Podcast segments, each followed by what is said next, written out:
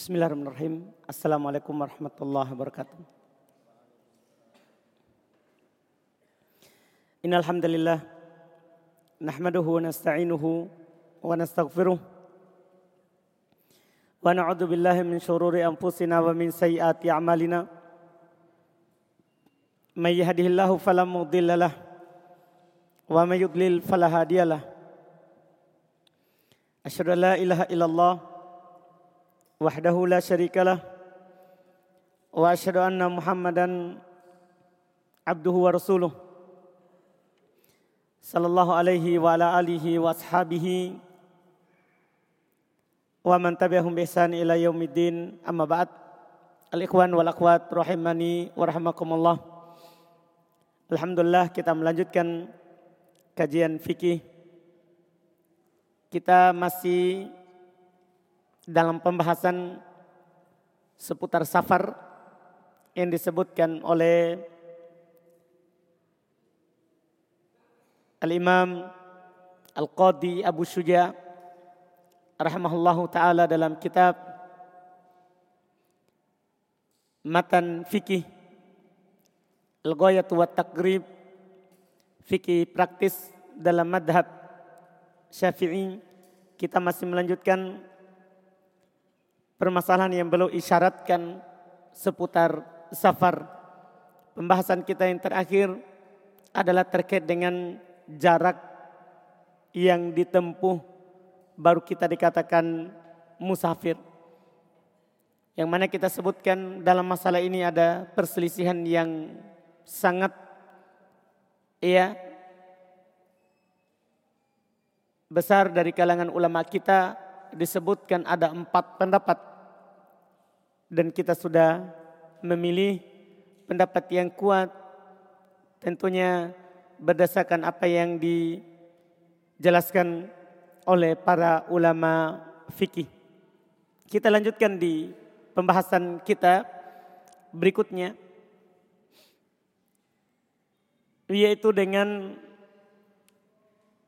memulai pembahasan dengan masalah yang belum isyaratkan kapan kita baru mulai kosor. Kan anggaplah di pertemuan yang lalu kita sudah mengetahui dengan pendapat yang kuat jarak safar itu kembali ke urf, ke kebiasaan masyarakat.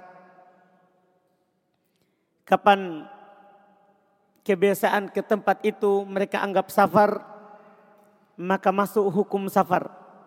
Sekarang pertanyaannya, ketika itu sudah masuk jarak safar, kapan boleh kita mulai kosor solatnya?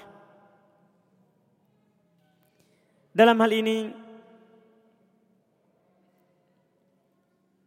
dikatakan oleh Al-Imam Ibnul Mundir rahimahullah ajma'a kullu man nahfadu anhu min ahli ilm ala anna lilladhi yuridu safar ay yaqsura salata idza kharaja an jami'i buyutil qaryati allati minha yakhruj. Masya Allah. Sepakat kata beliau setiap dari yang kami hafal dari ahli ilm bahwasannya bagi orang yang ingin safar boleh dia kosor kalau dia sudah keluar melewati seluruh rumah di kampungnya. Iya. Yang dia keluar darinya. Misal kita orang Makassar. Kalau kita berjalan mau mengadakan safar ke Jeneponto misalnya. Kita akan keluar dari Makassar kalau kita sudah di perbatasan gua. Kita lewati. Demikian pula kalau ke bawah. Kapan kita keluar dari Makassar? Kalau kita melewati perbatasan Maros. Mungkin bisa dipahami? Ini yang disebutkan, disepakati. Jadi bukan mulai kosornya itu dari rumah. Atau setelah keluar dari rumah sudah boleh kosor. Enggak. Kalau kita sudah melewati rumah-rumah yang ada di kampung kita itu. Yang kita keluar darinya. Yang kita keluar darinya. Dan kata Imam Ibnul Bar rahmahullah. Wahada madhabu jama'atun min ahli ilmi illa mansyad. Ini adalah madhabnya mayoritas ulama kecuali yang aneh. Artinya Ibn Abdul Bar mengatakan tidak ada yang menyelisih dalam masalah ini kecuali dalam pendapat yang aneh. Kalau ada orang mengatakan boleh sebelum keluar, yang penting sudah keluar rumah, sudah boleh. Misalnya kita tinggalnya di Janatul Firdaus. Kalau kita kita keluar dari Janatul Firdaus ke depan sana, sudah boleh sap kosor, itu pendapat yang aneh. Yang benarnya yang disepakati kalau kita sudah melewati rumah-rumah yang ada di kampung kita itu. Ini jelas tentunya. Ini jelas tentunya. Kemudian masalah berikutnya lagi adalah apakah boleh dia jamak? Iya. Sebelum dia keluar dari kampungnya itu, bedakan jamak sama kosor. Kalau kosor harus sudah melewati rumah-rumah di kampungnya. Terus, apakah boleh dia jamak tanpa kosor? Apakah boleh dia jamak tanpa kosor? Ah, ini juga tidak ada silang pendapat. Siapa yang mau safar dan sudah masuk waktu, boleh dia jamak tanpa kosor. Misal kita mau safar setelah duhur, sholat duhur. Masuk waktu duhur. Boleh kita sholat duhur empat rakaat. Salam bersama imam. Kemudian kita berdiri sholat asar empat rakaat. Salam. Ini jamak tanpa kosor. Boleh. Iya, ini tidak ada silam pendapat. Sebagaimana dalam hadis Anas radhiyallahu taala anhu Nabi sallallahu alaihi wasallam apabila sudah masuk waktu maka beliau solat diawalkan. Mengawalkan solatnya. Itu solat duhur, asar atau maghrib, isya dengan cara jama takdim. Tapi kalau beliau safar sebelum masuk waktu maka beliau akhirkan. Nah, di sini nanti beliau jama kosor. Beliau jama kosor. Ini juga masalah yang jelas. Tidak ada silam pendapat. Hanya saya ada lagi satu masalah. Masih terkait dengan ini. Bagaimana kalau ada orang kosor sebelum keluar dari kampungnya? Kan tadi kita bilang sepakat bahwa kosor itu mulainya saat sudah kita lewati kampung. Kalau kita dari Makassar ke Jeneponto setelah melewati Makassar, masuk Goa. Kalau kita mau ke bawah, Maros. Iya. Tapi boleh nggak kosor? Sebelum keluar. Kan sepakat mulainya di situ. Tapi boleh nggak sebelumnya? Maka pendapat dari mayoritas juga ulama kita bahwa tidak dibolehkan hal tersebut. Karena Allah Subhanahu wa taala berfirman, "Wa idza darabtum fil ardi falaisa 'alaikum junahun an taqsuru minas shalah." Ini jelas. Ini kalau kosor. Allah katakan apabila kalian melakukan perjalanan maka tidak mengapa bagi kalian untuk mengkosor solat. Berarti dipahami darinya kalau sebelum kita melakukan perjalanan tidak boleh kosor. Yang boleh adalah hanya yang kita bahas sebelumnya tadi. Kosor setelah berjalan, jamak saja tanpa kosor sebelum berjalan. Adapun mengkosor sebelum berjalan tidak boleh. Tidak boleh. Ini jelas dalilnya surah An-Nisa ayat 101 dan merupakan apa yang dipegang oleh mayoritas ulama rahimahumullahu taala.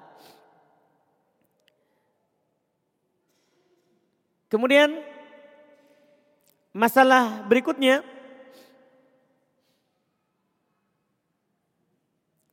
Tadi kita sudah singgung sebelum masalah yang terakhir. Kalau masuk waktu di mukim, kemudian dia bisa melakukan sholat dan dia lakukan, kemudian dia safar. Kemudian dia safar.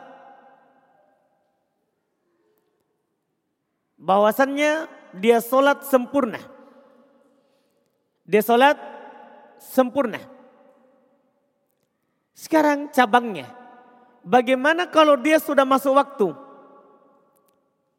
Dia tidak lakukan sholat. Dia malah safar. Misal ada seorang adzan duhur. Adzan duhur. Tapi karena dia mau safar. Dia langsung safar. Tidak sholat duhur. Tidak sholat duhur. Padahal dia bisa lakukan di mukim. Kan kadang keadaan seperti itu. Anak pernah ditanya, katanya pesawatnya berangkatnya pas setelah duhur. Kalau kita sholat duhur dulu, kita akan terlambat. Dikhawatirkan kita ya tidak bisa lagi masuk pesawat setelah melakukannya. Kan ini bisa dilakukan di mukim. Apakah boleh saya akhirkan? Dan sholat apa yang saya lakukan karena saya ini waktunya saya dapat di mukim. Apakah saya sholatnya kosor nanti kalau saya akhirkan. Atau saya sholat sempurna. Karena saya dapat waktunya di mukim. Ini masalah. Iya. Mungkin bisa dipahami ini. Orang masuk waktu di mukim. Setelah itu dia safar belum sholat duhur. Nanti dia sholat duhurnya kosor atau dia jamak saja tanpa kosor. Itu pertanyaannya.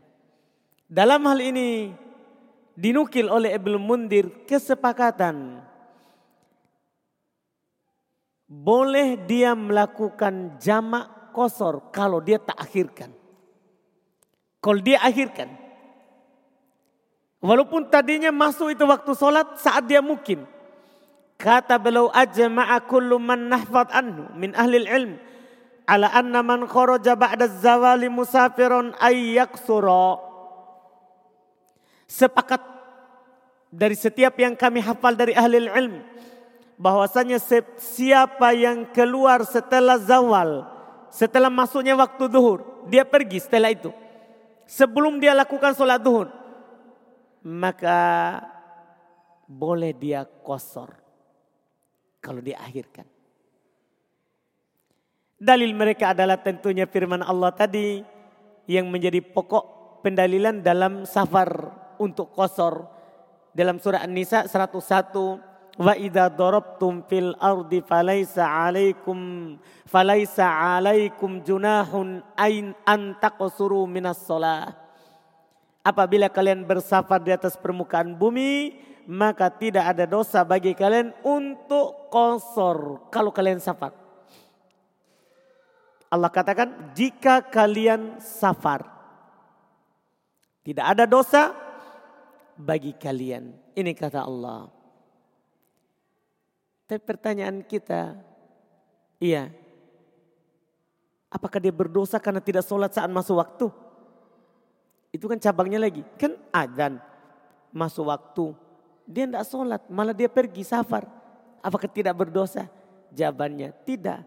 Karena memang orang safar boleh takhir, boleh takdim. Di pembahasan yang sebelumnya. Orang safar boleh dia jamak takdim, dia majukan yang di waktu yang di belakang ke depan. Boleh dia takhir, dia mundurkan yang di depan ini ke belakang mungkin bisa dipahami, tidak berdosa karena memang Allah maafkan. Allah Subhanahu wa taala maafkan hal tersebut. Kemudian masalah berikutnya. Kapan seorang musafir sholat sempurna ketika dia safar? Saya ulangi pertanyaannya. Kapan seorang musafir sholat sempurna dalam safarnya? Iya, kan kita sudah bilang sepakat boleh jamak kosor.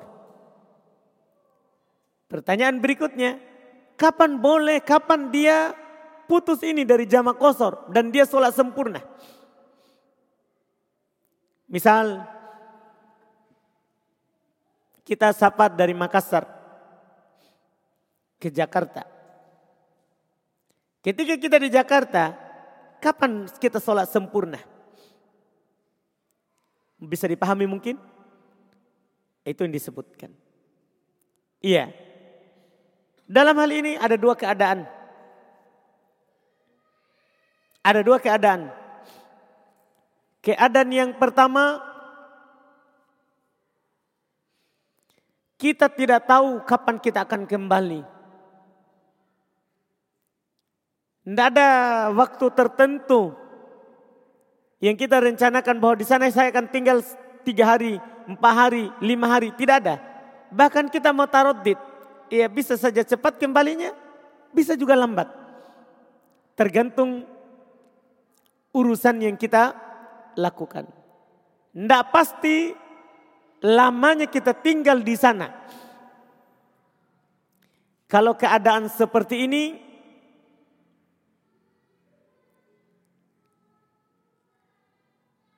Kapan kita sholat sempurna di sana, di tempat itu? Iya. Kata Imam Ibn Mundir untuk jawabannya, jika dia tidak tahu kapan kembalinya dan berapa lama dia tinggal, ajma ahlul ilm anna lil musafir ayyaqsura ma lam yajma' iqamatan wa in ata alaihi sinun. Masya Allah. Kata beliau sepakat ahli ilmu bahwasanya musafir boleh dia kosor selama dia tidak ada niat untuk menetap. Saya ulangi terjemahannya. Belum berkata sepakat ulama bahwasannya musafir boleh dia kosor selama tidak ada niat untuk mungkin untuk tinggal di daerah itu. Mungkin dipahami ini? Kita ke Jakarta punya urusan. Kita selesaikan urusan kita tapi tidak selesai-selesai. Tidak ditahu kapan selesainya. Boleh kita jama kosor selama tidak ada niat untuk tinggal di daerah itu. Selama tidak ada niat untuk tinggal di daerah itu. Ini penukilan dari Ibnu Mundir dinukil juga oleh Ibnu Qudamah. Ibnu Mundir kan ulama Syafi'iyah. Dinukil juga oleh Ibnu Qudamah, ulama Hanabilah. Dinukil juga oleh Ibnu Qayyim rahimahullahu taala bahkan Ibnu Mundir menukil ini merupakan pendapat Ibn Abbas, pendapat Anas Ibn Malik, pendapat Abdurrahman Ibn Samurah, pendapat Abdullah ibn Mas'ud, pendapat Abdullah ibn Umar, pendapat Sa'ad ibn Abi Waqqas. Bahkan belum katakan wa in ata alaihi sinun walaupun dia tinggal bertahun-tahun. Mungkin bisa dipahami? Walaupun dia tinggal apa? Bertahun-tahun. Yang penting dia tidak ada niat untuk tinggal di situ. Tidak ada niat dan dia tidak tahu kapan dia akan kembali. Wa in ata alaihi sinun walaupun dia bertahun-tahun di situ. Iya. Ini yang disebutkan oleh Al-Imam Ibnu Mundir rahmahullah dan selainnya dari ulama madhab. Ini keadaan pertama. Keadaan kedua. Bagaimana kalau dia sudah tahu kapan kembalinya dan berapa lama dia tinggal. Ini kadang saya dapat pertanyaan yang seperti itu. Dia ada kontrak kerja. Dia dari Makassar. Dia ada kontrak kerjanya misalnya di Jakarta. Sudah ada kontraknya setahun. Berarti kan dia tahu tinggalnya selama setahun di sana. Tinggalnya selama setahun. Yang seperti ini para ulama kita memiliki pendapat yang banyak sekali. Apakah musafir yang ada batasan waktunya di suatu daerah boleh jamak kosor atau dia harus sholat sempurna dan mulai hari keberapa dia sholat sempurna. Kalau ada niat untuk tinggal di situ dengan hari yang tertentu. Ini banyak sekali pendapat. Ulama rahimahumullah.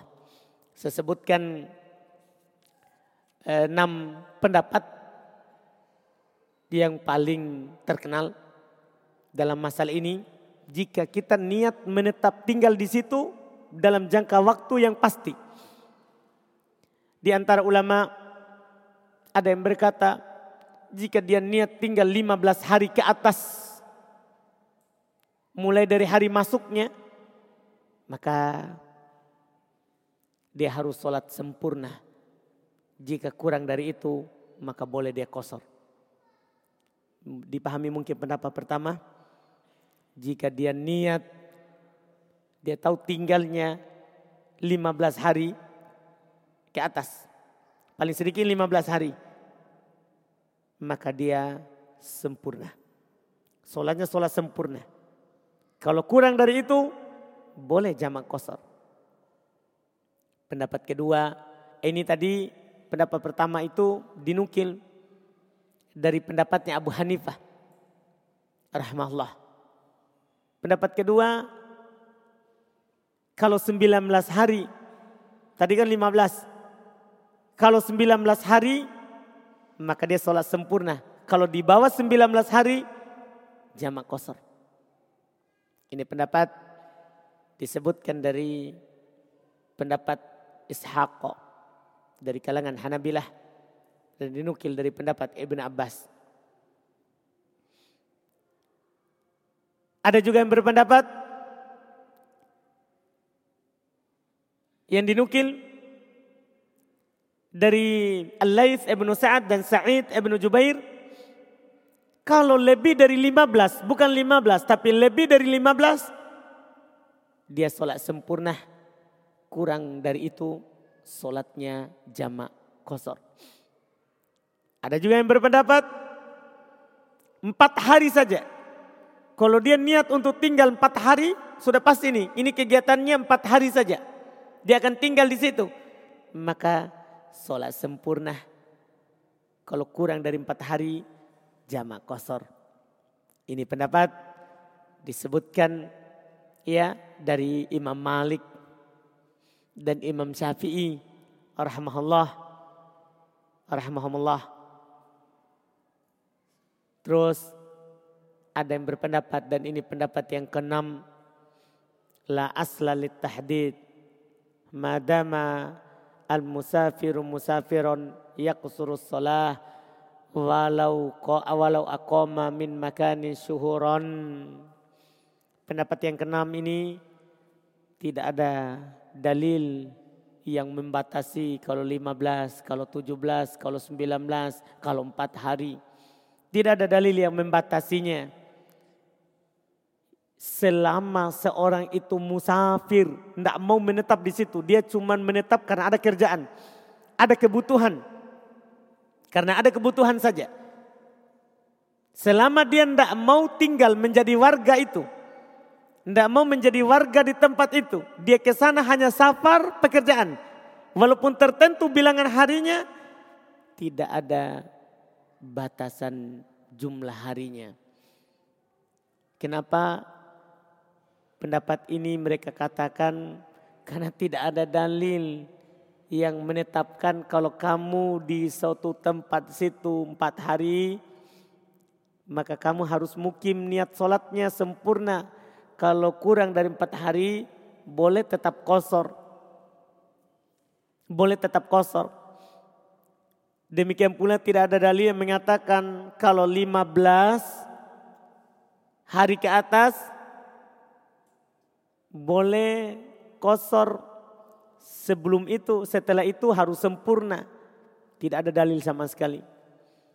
Maka asalnya boleh selama seorang berniat safar maka masuk dalam ayat firmannya wa idza darabtum fil ardi falaisa alaikum junahun an taqsuru minas shalah apabila kalian melakukan safar di di atas permukaan bumi tidak ada masalah bagi kalian untuk mengkosor sholat.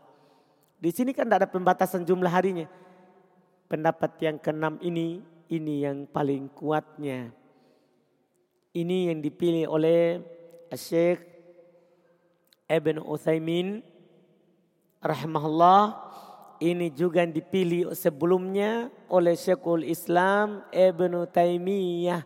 Karena Allah cuma mengatakan kalau kalian safar maka tidak ada masalah kalian jamak kosor. Dipahami ini? Selama kalian safar maka tidak ada masalah kalian jama kosor. Ini pendapat yang paling kuatnya. Ini pendapat yang paling kuatnya insya Allah ta'ala terkait dengan masalah orang yang safar terus dia sampai ke tempat tujuannya. Orang safar dia sampai ke tempat tujuannya. Kalau kita praktek dari enam pendapat ini tadi ada orang safar dari Makassar misalnya ke Jakarta. Bagi yang berpendapat harus ya empat hari tinggal baru boleh jamak kosor. Kalau sudah lebih dari empat hari tidak boleh lagi jamak kosor, harus sempurna. Berarti walaupun dia di situ bukan penduduk, Ya, kalau dia sudah tinggal empat hari, hanya empat hari saja jamak kosor. Setelah itu sempurna. Setelah itu sempurna.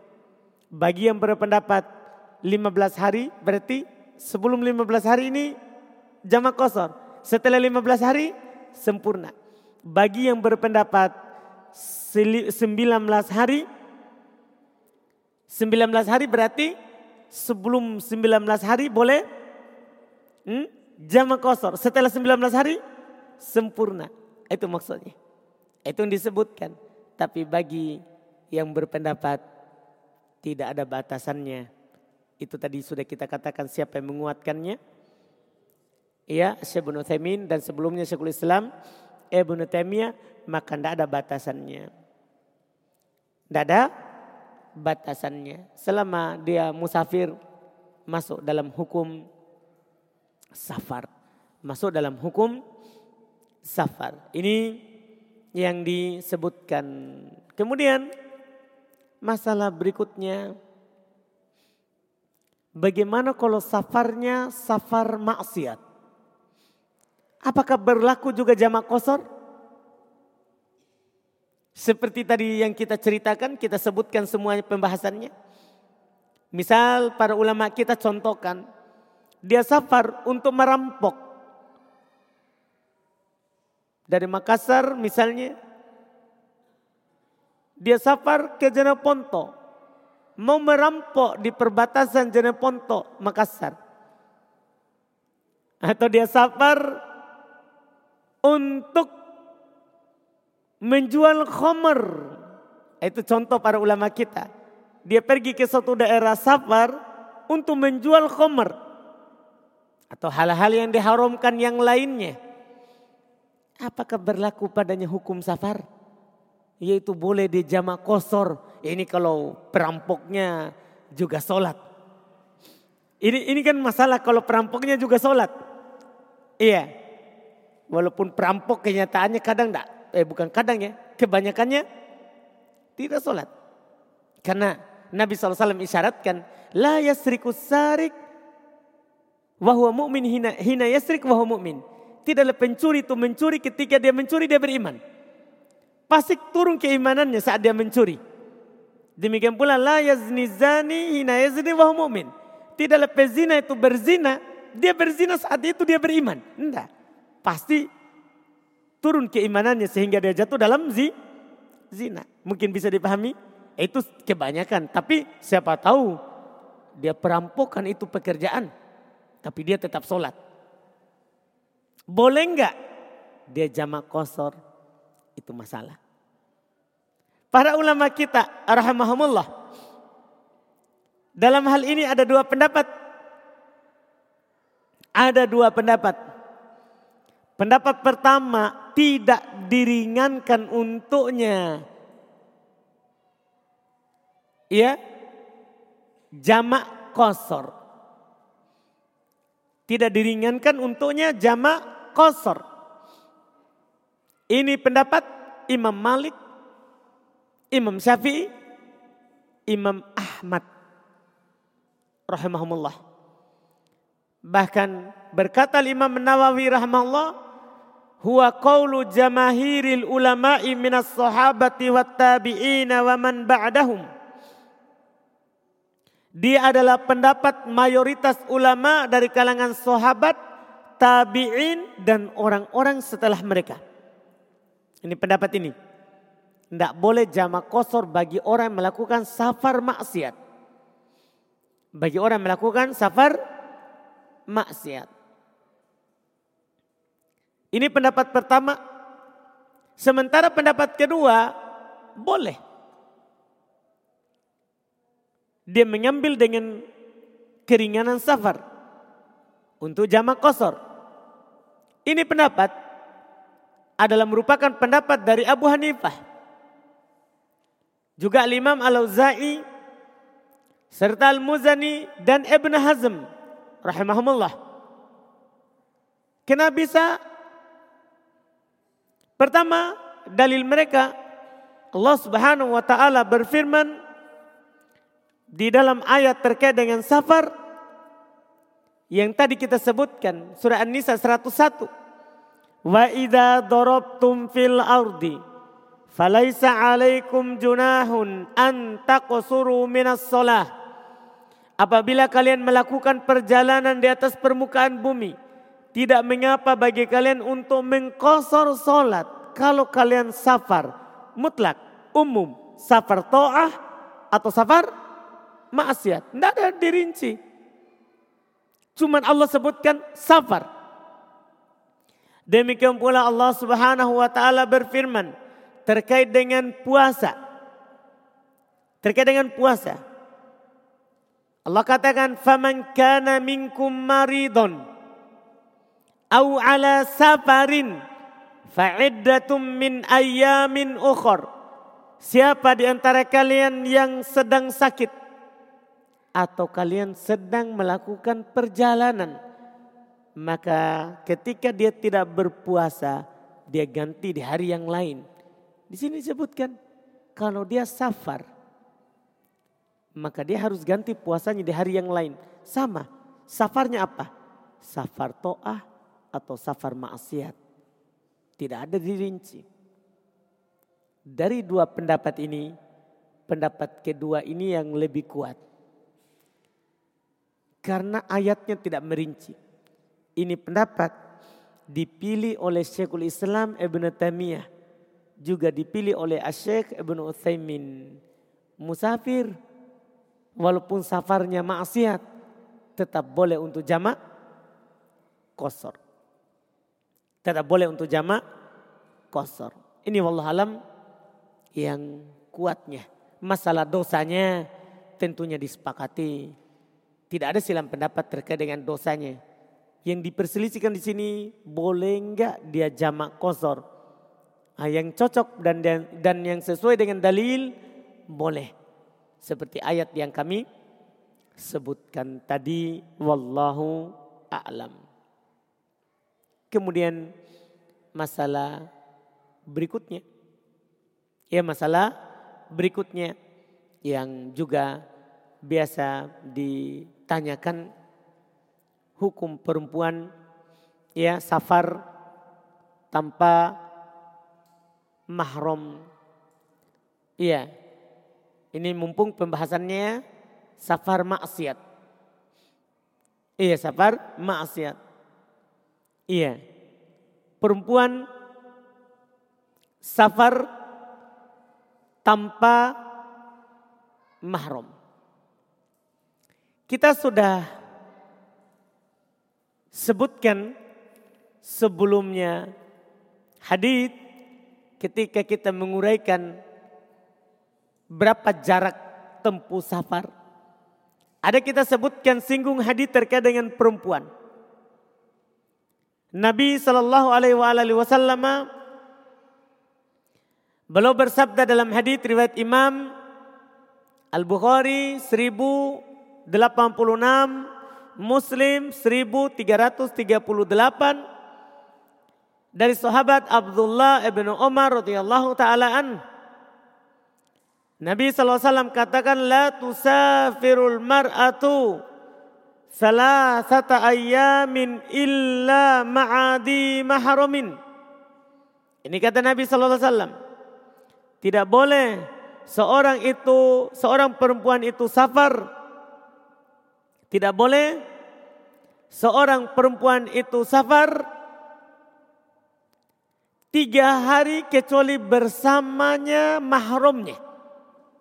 Demikian pula ada hadis riwayat juga Imam Al Bukhari 1088 kalau Imam Muslim 1339 Nabi SAW bersabda dari Abu Hurairah La yahillu limro'atin tu'minu billahi wal yaumil akhir. Tidak halal bagi seorang perempuan yang beriman kepada Allah dan hari akhirat untuk bersafar tusafiru masirata yaumin walailah bersafar dalam perjalanan sehari semalam illa wa ma'a illa ma'adi mahrumin alaiha kecuali bersama mahramnya kecuali bersama mahramnya. Demikian pula dalam riwayat Imam Al-Bukhari dan Imam Muslim. Supaya kenapa saya sebutkan ini tiga riwayat? Karena ada yang mengatakan kalau tiga hari harus pakai mahram. Kurang dari tiga hari maka boleh. Tapi apa yang kita lakukan dengan hadis tadi? Tidak halal sehari semalam. Nah, maka ada lagi yang mengatakan kalau sehari semalam harus pakai mahram. Kalau tidak sehari semalam boleh. Ada hadis ketiga. Dalam riwayat Imam Al-Bukhari dan Imam Muslim. Nabi Shallallahu Alaihi Wasallam juga katakan tanpa penyebutan hari. Tanpa penyebutan hari. Kata Nabi, La tusafir imro'atun illa ma'adi mahromin. Riwayat Imam Bukhari Muslim. Tidak boleh seorang perempuan itu safar kecuali bersama mahramnya. Tanpa ada sehari semalam, tiga hari tiga malam. Ini menunjukkan bahwa semua hadis ini mutlak.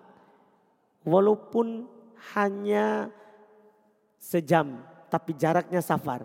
Dua jam, jaraknya safar. Tiga jam, jaraknya safar. Kurang dari 24 jam. Jaraknya safar kata Nabi tidak halal. Berarti hukumnya haram. Hukumnya haram. Bahkan walaupun aman di jalan.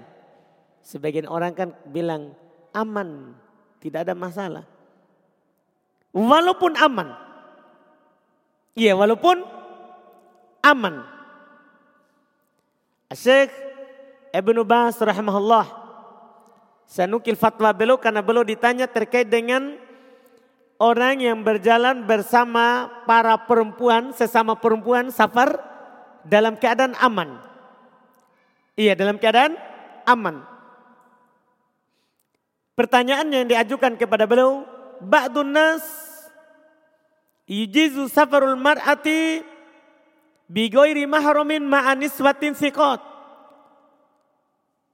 Sebagian orang membolehkan untuk seorang perempuan safar tanpa mahram kalau dia bersama perempuan-perempuan yang terpercaya. Terus belum isyaratkan ini penanya mustadillan bima warada annal aman yantashir. Dia berdalil bahwasannya sesungguhnya dia aman. Sekarang keamanan itu tersebar. Tidak ada orang yang ganggu orang lain. Tidak ada yang mengganggu orang lain. Dia katakan hatta takhrujal mar'a fatutta mutajiratan wahdaha la takhsha illallah wadhibu ala gonamiha wa wa yaz'umuna anna ba'da ummahatil mu'minina kunna yakhrujna bila mahram afiduna jazakumullahu khairan jadi belum bertanya. Mereka berdalil bahwa keamanan sekarang sudah bagus. Sehingga seorang perempuan boleh pergi safar berdagang. Berdagang, pergi beli ke barangnya kemudian dia kembali sendiri. Dia tidak takut kecuali kepada Allah dan serigala yang memakan kambing gembalaannya. Artinya aman jalannya. Mereka menyangka, mereka juga mengatakan dulu sebagian ummahatul mukminin istri Nabi mereka keluar tanpa mahram. Kan sebagian orang dia punya dalil. Pertama aman, istri Nabi juga safar tanpa mahram. Apa kata Syekh Ibn Bas rahimahullahu taala as-sawab labudda min mahram. Yang benarnya harus pakai mahram. Liqaulin Nabi sallallahu alaihi wasallam karena Nabi sallallahu alaihi wasallam bersabda, "La tusafiru imra'atun illa ma'adi mahramin." Muttafaqun ala sihatih kata beliau. Tidak boleh seorang perempuan itu safar kecuali bersama mahramnya. Sepakat Imam Bukhari Muslim akan sehat sohinya. Wa amma hadid. Adapun hadid. La takhafu illallah wa dhi'ba ala gonamiha. Dia tidak takut kecuali kepada Allah dan serigala atas dombanya. Fahada laisa fihi idin. Itu ketika aman jalan boleh. Hadis ini tidak ada padanya izin untuk perempuan itu safar tanpa mahram. Wa innama fihi khobarun an wujudil aman Sungguh tiada lain dalam hadis ini hanya terdapat pemberitaan dari Nabi bahwasannya nanti akan ada keamanan. Seorang berjalan dari daerahnya ke daerah lain tidak ada dia khawatirkan kecuali Allah Subhanahu wa taala. Paham ini? Bukan menunjukkan bahwa boleh sudah boleh bersafar tanpa mahram. Nah, ini hadis cuman mengabarkan nanti akan datang masa penuh dengan keamanan. Orang berjalan dari Son'a ke Hadramaut tidak ada dia takuti. Kecuali serigala dari untuk memakan dombanya. Ya, dan Allah Subhanahu wa taala yang selalu mengawasinya. Ini tidak ada dalil padanya. Ini hanya menunjukkan akan adanya nanti keamanan. Wa anna hada yaqa bahwa ini akan terjadi. Wal ikbar anil waqi ghairu bayanil ahkam syar'iyyah. Masya Allah, belum jelaskan pengabaran tentang kenyataan yang akan terjadi itu bukan menjelaskan hukum syar'i, itu hanya pengabaran. Kan hukum syar'i itu diambil dari perintah dan larangan. Iya, ini kan hadis terkait dengan pengabaran. Sementara hadis la tusafir itu larangan. Itu larangan. Tidak diambil hukum syar'i dari penjelasan keadaan yang akan terjadi. Wal Al-ikhbaru anil waqi syai'un wal ahkamu syai'un tsani. Pengabaran terkait dengan apa yang akan terjadi itu sesuatu perkara, sementara hukum syar'i itu sesuatu perkara yang lain. Yang kedua, hada minat talbis belum tegaskan. Hada minal talbis bil ihtijaji bihada. Ini termasuk dari menyamarkan syariat. Kalau berdalil dengan dalil itu. Hada minat tiba'il mutasyabih.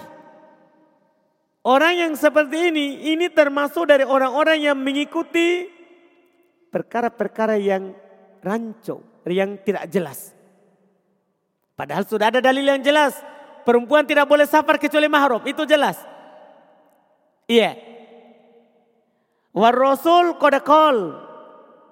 Belum ingatkan, Nabi SAW telah bersabda, Ida ra'aitum man yattabi' al-mutasyabi faulaika alladhina sammallahu fahdaruhum.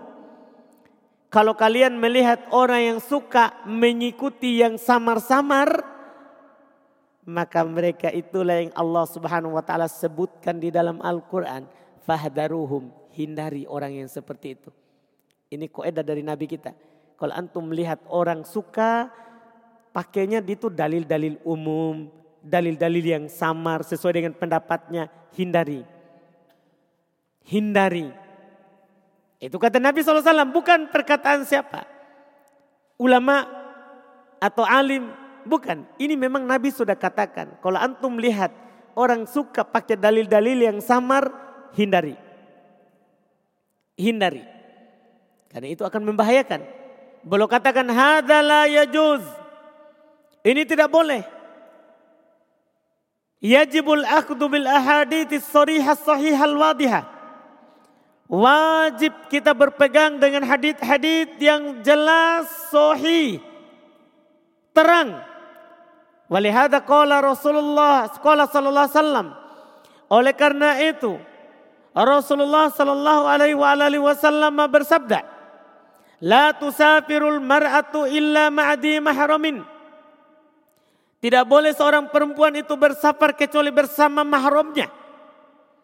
Walamma balago anna zaujata rajulin kharajat hajatan. Kata beliau lanjutkan, tatkala sampai kepada Nabi sallallahu alaihi wasallam bahwa ada seorang istri, istrinya seseorang, dia keluar untuk berhaji. Wakana fi gozwin, sementara suaminya lagi berada di peperangan. Tapi sampai kepada Nabi, istrinya akan pergi haji tanpa mahram. Kol kata Nabi, intolek fahujja ma'amro'atik. Kembali haji bersama istrimu. Temani istrimu pada bayangkan, kan bisa saja, wah ini kan lagi jihad, wajib bagi laki-laki. Perempuan itu kan mau pergi haji, tidak apa-apa. Ini menunjukkan pentingnya mahram. Lebih penting mahram daripada berjihad. Bayangkan, Nabi katakan kembali kamu pergi haji temani istrimu. Belum sampaikan, ini lebih jelas hadisnya. Lebih jelas hadisnya. Terus beliau singgung sebagian orang membolehkan. Kata beliau walakin ba'dal ulama ba, walakin ba'dul ulama ajaza safarul mar'ati ma'an nisa'il amniyati thiqat. Akan tetapi sebagian ulama membolehkan seorang perempuan itu safar bersama perempuan yang terpercaya. Tanpa mahrum, hanya sesama perempuan. Apalagi sendiri nanti. Sesama perempuan. Belum katakan walakinnahu ijtihad. Itu pendapatnya. Itu pandangannya hati-hati. Wassawab khilafu Tapi yang benar tidak seperti itu. Yang benar tidak seperti itu. Wa annaha la tusafir illa ma'adi mahrumin walau kana ma'aha nisa. Bahwasanya dia tidak boleh bersafar kecuali bersama mahramnya. Kecuali bersama mahramnya. Walaupun bersamanya para perempuan. Ar-Rasul afsahunas wa ansahunas. Rasul orang paling fasih dalam mentakbir. Orang yang paling semangat untuk menasehati orang. Ini kan ada orang membolehkan, Rasul tidak membolehkan. Siapa yang paling sayang kepada kita? Orang itu atau Rasul? Itu pertanyaannya. Ini harus kita perhatikan. Kadang kita tidak singgung. Masalah yang seperti. Tapi Syekh singgung. Syekh bin Bas. Rasul beliau adalah orang yang paling nasihat kepada orang. Falau jaizan. Seandainya ini boleh maka Rasul akan katakan illa ma'adi mahromin au ma'an nisa ma'an nisa'il amniyat. Kecuali bersama mahram atau bersama para perempuan yang aman. Ma'ata bihadis ziyadah.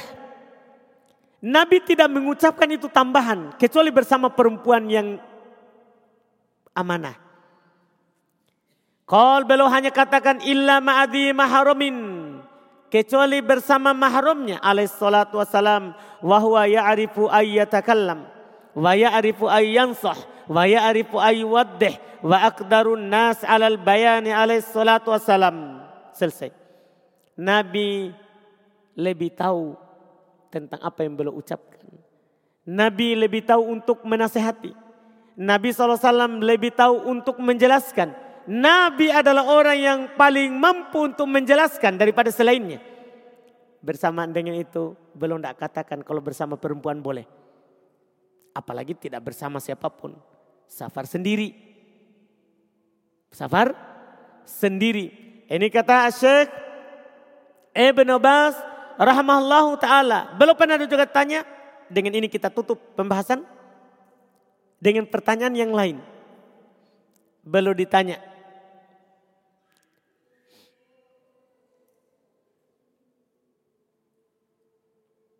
Tentang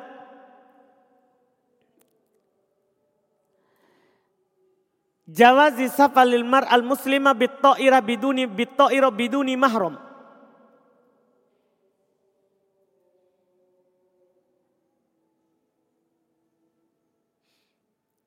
Beliau katakan anna waliyaha yakunu ma'aha hatta tarkab at-ta'irah.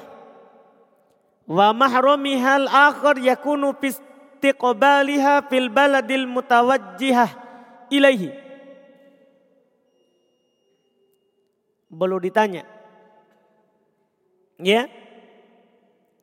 Tentang sebuah pertanyaan tapi ini pertanyaannya terkait dengan seorang perempuan katanya safar tanpa mahram menggunakan pesawat. Ada mahramnya diantar sampai bandara, sampai dia naik pesawat mahramnya yang lain dia tunggu di bandara berikutnya. Dia turun akan dijemput. Jadi di atas pesawat tanpa mahram. Dia tanya, apakah boleh seperti itu? Belum tegaskan fatwa yang sama. La tusafir al-mar'ah illa wa ma'ahadi mahramin lah. Tidak boleh seorang perempuan itu safar kecuali bersamanya. Ini hanya sampai bandara, di sana terima di bandara. Nabi katakan bersama. Itu kan sangat jelas. Bersama artinya bersama terus sampai-sampai. Sampai kembali. Ini sangat jelas. Dari apa yang dikatakan oleh Nabi kita Muhammad sallallahu alaihi wa ala alihi wasallam. Kata beliau la yajuzu safarul mar'atil muslimati fit ta'irah wala goiriha biduni mahromin yura yurofikuha fi safariha. Tidak boleh bagi seorang perempuan untuk safar, seorang perempuan muslimah untuk bersafar di pesawat, tidak pula di selainnya tanpa mahram yang menemaninya. Tanpa mahram yang menemaninya. Li umumi qawlihi sallallahu alaihi wasallam. Karena masuk dalam keumuman Sabda Nabi sallallahu alaihi wasallam, "La tusafirul mar'atu illa ma'adi mahramin muttafaqun ala sihatih." Tidak halal bagi seorang perempuan untuk bersafar kecuali bersama mahramnya. Disepakati akan kesohihannya. Ini disebutkan oleh beliau rahmahullah. Ini saya kira jelas pembahasan safarnya perempuan. Dalil-dalil juga sangat banyak dalam masalah ini. Dan itu tadi penukilan. Jadi walaupun dia aman di perjalanan. Selama masuk dalam safar maka harus mahrum. Siapa yang safar tanpa mahrum maka safar maksiat. Kita sudah tahu, pahami bersama safar maksiat berdosa. Boleh nggak dia kosor? Di pembahasan kita tadi sudah. Kita cukupkan Alhamdulillah dan masih ada pembahasan. Insya Allah kita ambil lagi di pertemuan yang akan datang. Mudah-mudahan pertemuan akan datang itu adalah pembahasan terakhir untuk pembahasan safar insyaallah taala. Iya. Kita adan baru lanjut dengan tanya jawab. Bismillah. Kita lanjutkan tanya jawab. Silakan. Bismillahirrahmanirrahim. Assalamualaikum warahmatullahi wabarakatuh. Waalaikumsalam. Jazakumullah khairan katsiran Ustaz atas kesempatannya uh, juga kepada para panitia.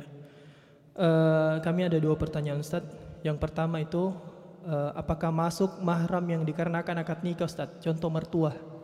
Misalnya kita temani mertua perempuan kita uh, pergi ke kampungnya, misalnya minta tolong diantarkan, biasanya kan minta dibawakan disetirkan ya Ustaz. Nah, apakah termasuk mertua? Dan apakah itu juga boleh kalau kayak umroh misalnya karena mungkin sudah tua, jadi butuh didampingi, mungkin yang bisa dampingi suaminya sudah tidak bisa karena sudah meninggal. Jadi apakah bisa ditemani oleh menantunya? Baik. Uh, ya. Itu dulu. Ya, Ustaz. Jadi pertama kita harus ketahui bahwa mahram itu sebabnya ada tiga.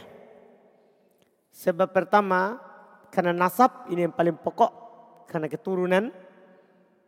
Ya. Sebab yang kedua karena pernikahan. Sebab ketiga karena persusuan. Mahrum itu itu tiga sebabnya.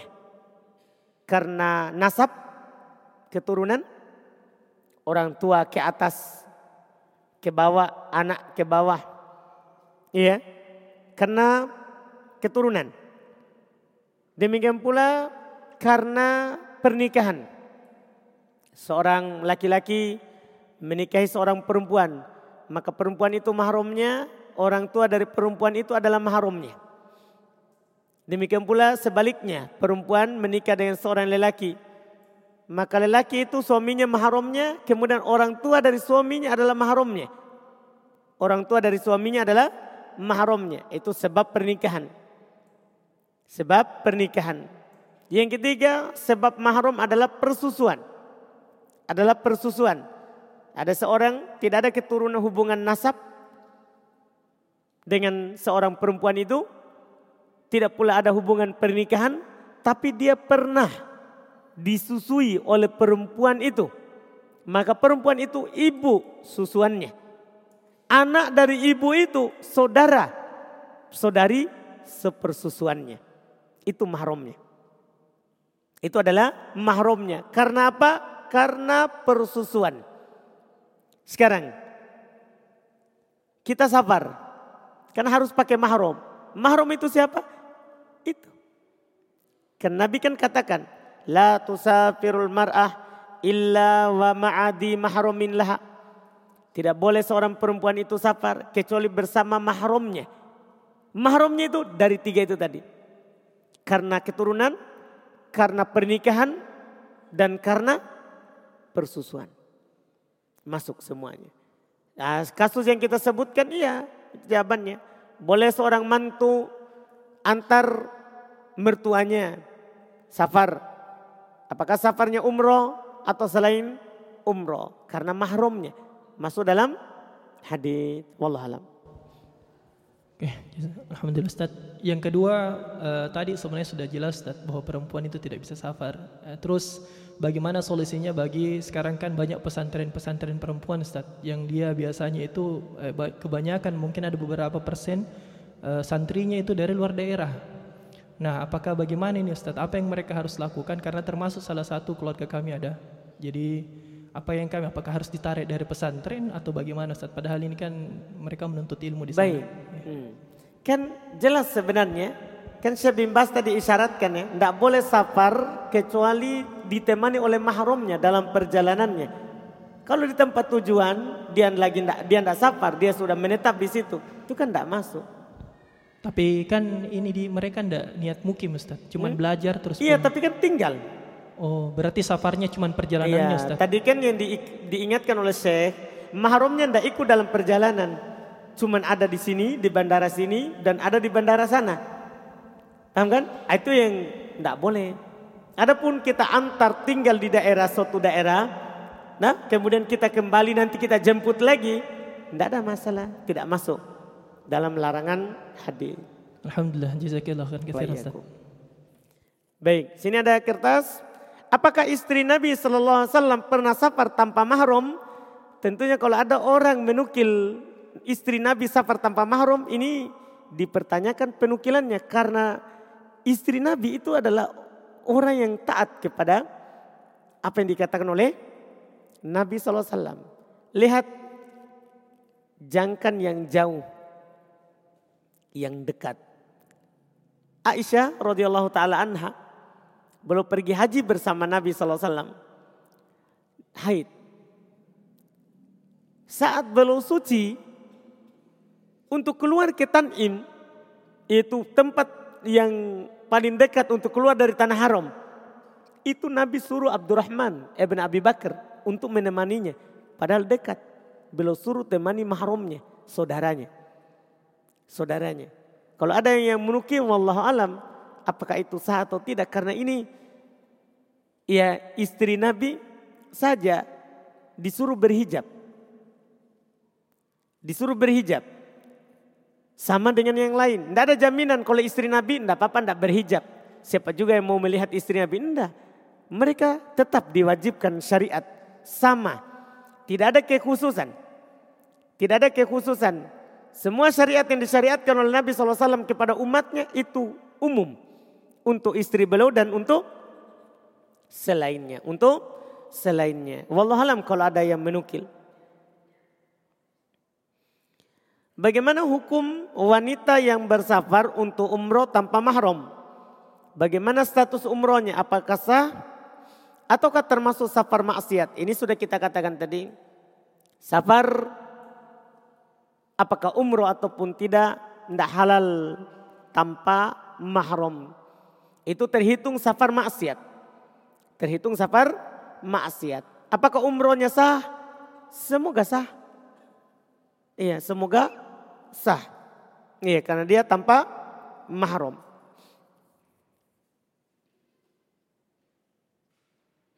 Apakah dari Makassar ke Pangkep sudah termasuk safar? Ya, di pertemuan yang lalu kita sudah sebutkan pembahasan itu, silakan dengar kembali.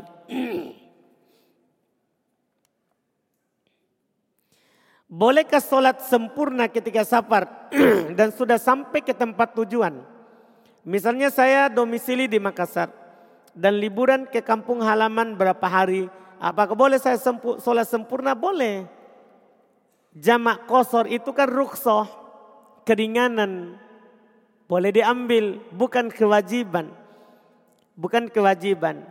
Kan sudah kita sebutkan hukum jamak kosor di dalam safar itu adalah boleh, bukan kewajiban. Bukan kewajiban. Jadi kita boleh. Tapi kalau kita mengambil keringanan itu lebih bagus. Kalau kita mengambil keringanan itu lebih bagus karena Allah senang untuk mengambil keringanan untuk kita ambil keringanan yang diberikan kepada kita.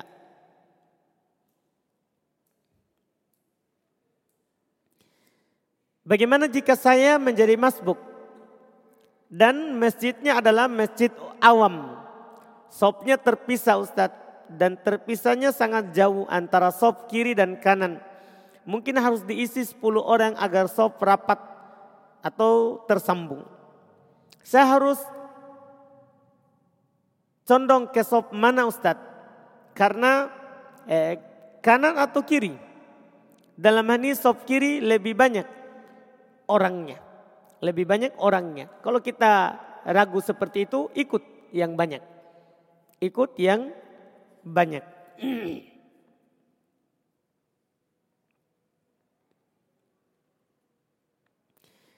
Bagaimana hukum memberikan harta warisan kepada keponakan yang sudah diangkat sebagai anak angkat? Apakah boleh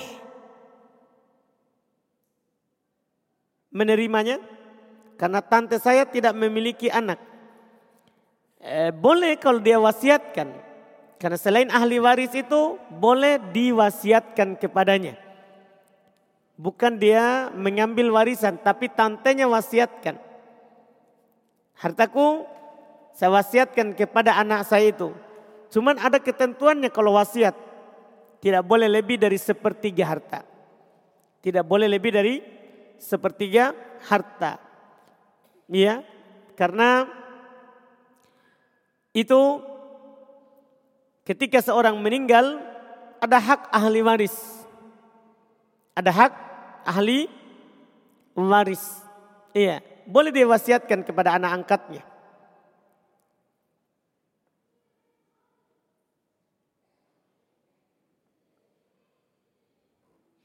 Apakah termasuk safar ketika seseorang yang keluar dari kampungnya dan sudah sampai padanya jarak safar dengan niat menuntut ilmu?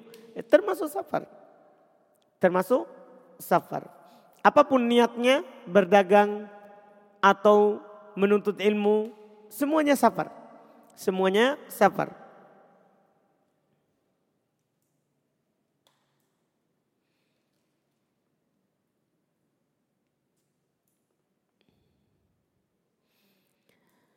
Apakah termasuk ikhtilat?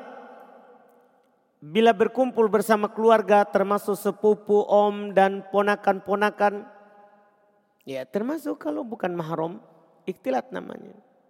Kalau bukan mahram termasuk ikhtilat. Dan bagaimana jika dalam acara silaturahmi tersebut ada acara karaokean? Apa yang harus saya lakukan? Nasihati. Kalau bisa. Ya. Bahwa tidak boleh orang bernyanyi, mendengarkan musik. Tidak boleh. Itu adalah ucapan-ucapan syaitan melalaikan dari Allah Subhanahu wa taala. Itu kalau bisa. Kalau tidak bisa dinasehati, kita menghindar. Kalau tidak bisa menghindar, maka lakukan eh, kebutuhan kita tempat itu dengan hati yang mengingkari. Setelah itu segera pergi, segera pergi. Bolehkah safar bersama mahram tetapi dalam kendaraan tersebut ada om, tante, ipar, sepupu dan keluarga lain? Boleh, tidak ada masalah. Ikan yang penting ditemani oleh mahram. Yang penting ditemani oleh mahram.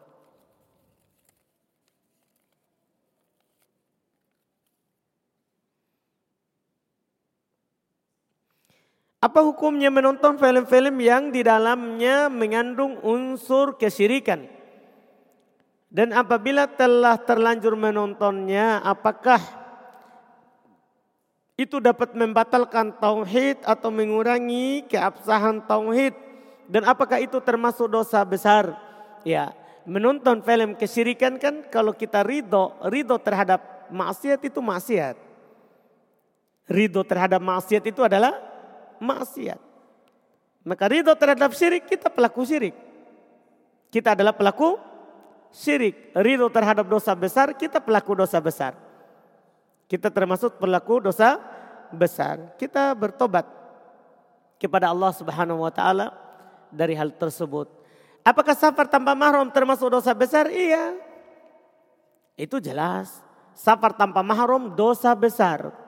Karena Nabi larang. Nabi larang. Tidak boleh seorang perempuan yang beriman kepada Allah dan hari akhirat untuk safar tanpa mahram, larangan itu adalah dosa.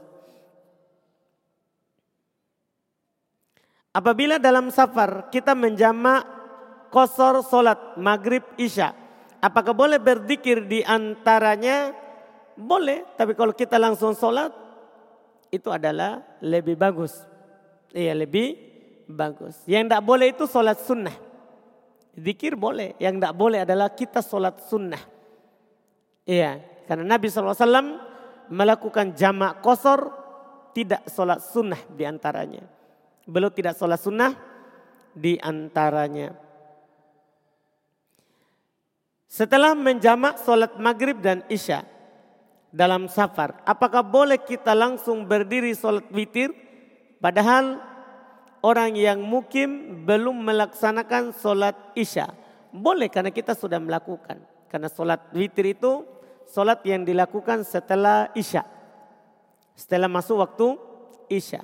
Tapi kalau belum masuk waktu isya, lebih hati-hati kita akhirkan sampai masuk waktu isya. Wallahualam.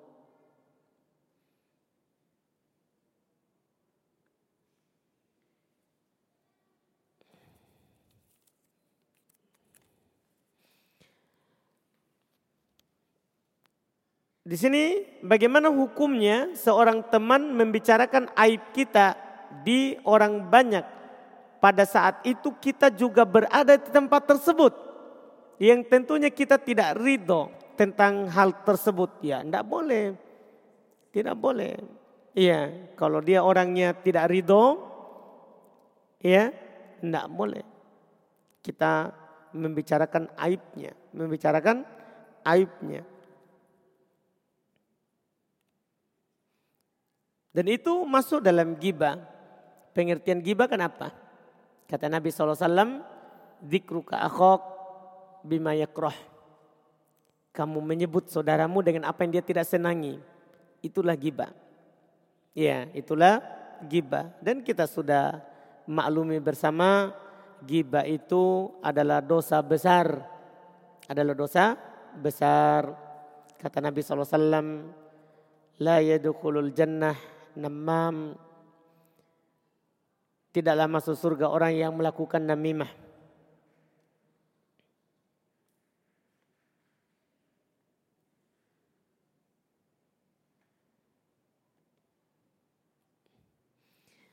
Tadi disebutkan beberapa pendapat jika safar 4, 19, 15 hari ke atas maka sholat sempurna. Apa yang dimaksud apakah maksudnya sholat jamak sempurna atau sholat sempurna bersama imam pada setiap waktu? Sempurna bersama imam maksudnya tidak berlaku lagi safar. Maksudnya tidak berlaku lagi apa? Safar baginya wallahualam.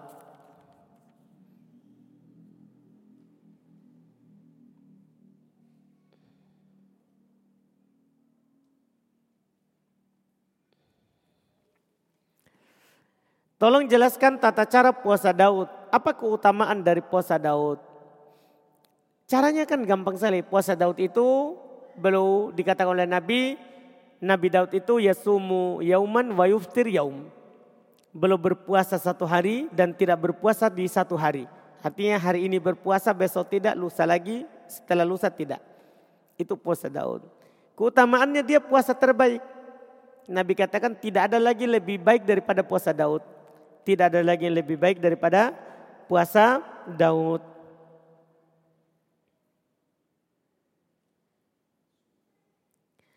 Bagaimana pelaksanaan ketika puasa Daud bertepatan dengan puasa sunnah seperti Senin Kamis dan puasa Ayyamul Bid.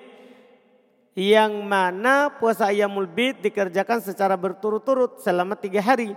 Sedangkan puasa Daud selang-seling mohon penjelasannya. Seorang kalau sudah puasa Daud tidak ada lagi puasa Senin Kamis, tidak ada lagi Ayyamul Bid. Karena tidak ada lagi yang lebih baik daripada puasa Daud. Tidak lakukan yang lain lagi. Dia tidak ayamul bid, tidak Senin Kamis. Tidak Senin Kamis. Kan hadisnya itu kan berurut. Nabi ditanya tentang puasa yang harus dilakukan. Yang disunahkan. Nabi bilang kamu berpuasa tiga hari dalam sebulan. Saya mampu lebih dari itu. Ya kamu puasa Senin Kamis. Saya mampu lebih dari itu. Kamu puasa Daud. Saya mampu lebih dari itu. Tidak ada lagi lebih baik daripada puasa Daud. Mungkin bisa dipahami. Ah, itu urutan. Kalau tidak mampu Senin Kamis tiga hari. Kalau tidak mampu tiga hari. Eh, kalau tidak mampu puasa Daud Senin Kamis. Kalau tidak mampu Senin Kamis tiga hari. Dalam sebulan.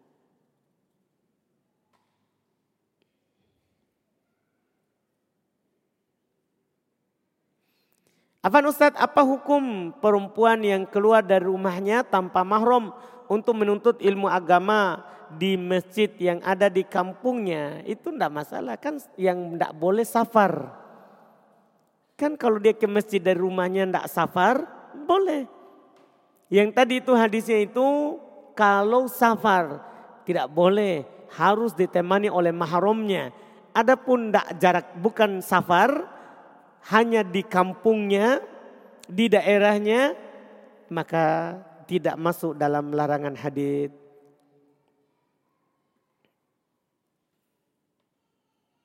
Apakah saat safar bila sholat ikut mukim, bila sholat ikut mukim kita disyariatkan untuk sholat qobliya ba'diyah juga. Nanti ini akan disebutkan pertemuan akan datang pembahasan bagaimana kalau kita sholat ikut mukim.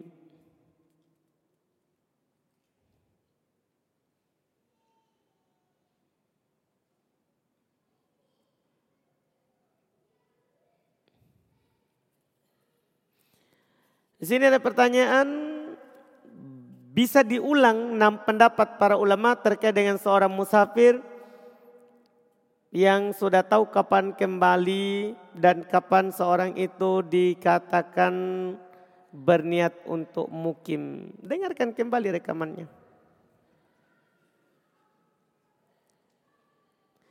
Apakah di ikomat ketika ingin berpindah ke solat berikutnya. Kita jama ketika jama kosor apakah di ikomat? Iya. Iya, Nabi SAW belum jama antara duhur asar di Arafah dengan satu kali adan dua komat. Dengan satu kali adan dua komat. Artinya sholat duhur ikomat setelah adan, sholat asar ikomat sebelumnya.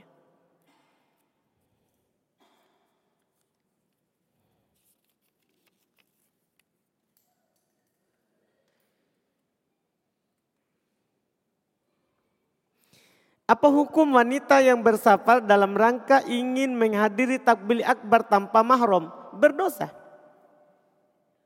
Berdosa kan jelas. Nabi SAW katakan, La tusafirul mar'ah illa wa ma'adi mahramin laha. Tidak boleh seorang perempuan itu safar kecuali bersama mahramnya. Kecuali bersama mahramnya. Bahkan dalam lafad diisyaratkan la tahilla yahillu limro'atin tu'minu billahi wal yaumil. Tidak halal bagi seorang yang beriman kepada Allah dan hari akhirat untuk bersafar tanpa mahram. Tidak halal bagi orang yang beriman untuk safar tanpa mahram. Walaupun ke tablik akbar. Kalau ada yang bilang, tapi saya mau sekali. Ya, tunggu mahrammu datang. Tunggu mahrammu datang. Semoga dimudahkan. Apalagi sekarang jangan dipaksa. Sekarang orang bisa mendengar mendengarkan takbir akbar di rumahnya. Kalau dia tidak punya mahram. Kalau dia tidak punya mahram. Walaupun kita sangat dianjurkan untuk pergi. Tapi kalau tidak ada mahram tidak boleh. Iya. Kita dianjurkan untuk pergi. Yang menganjurkannya bukan ustadz. Memang ada dalil syar'i menganjurkan kita untuk bergaul, bergabung dengan orang-orang yang beriman.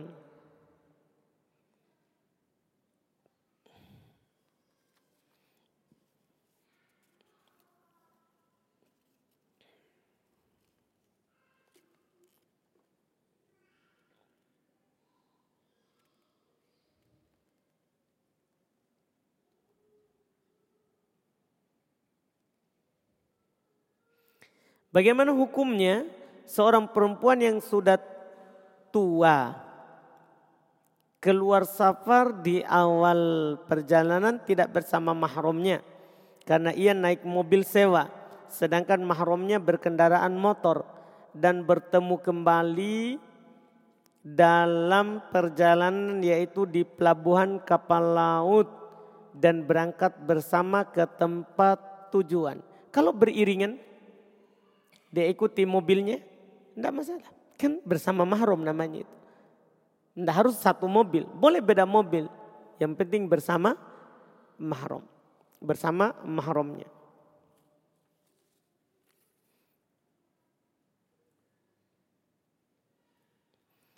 Sini ada pertanyaan, pada bulan Muharram perbanyak puasa. Pertanyaannya bagaimana niatnya Ustadz? Ya puasa, niat puasa. Seperti biasa. Niat puasa. Karena taat kepada Allah subhanahu wa ta'ala.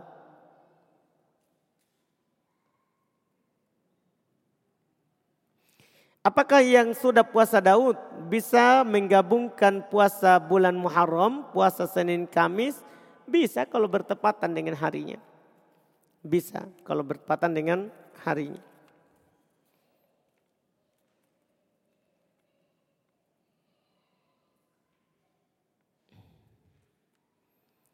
Terakhir, pertanyaan terakhir, apakah tidak mengapa? Saat safar, saya diantar oleh mahram. Dan saat kembali, saya dijemput oleh mahram safar. Maksudnya gimana itu? Jadi dia pergi ke suatu daerah, diantar, nanti kembali, dijemput lagi. Tidak ada masalah, Alhamdulillah. Itu kebaikan. Itu kebaikan. Kalau itu yang dimaksud, Wallahu a'lam. Alhamdulillah kita cukupkan. Masih ada di sini tapi jamnya sudah lewat. Alhamdulillah. Kita cukupkan. Subhanallah hamdik. Asyhadu an la ilaha illa anta astaghfiruka wa Assalamualaikum warahmatullahi wabarakatuh.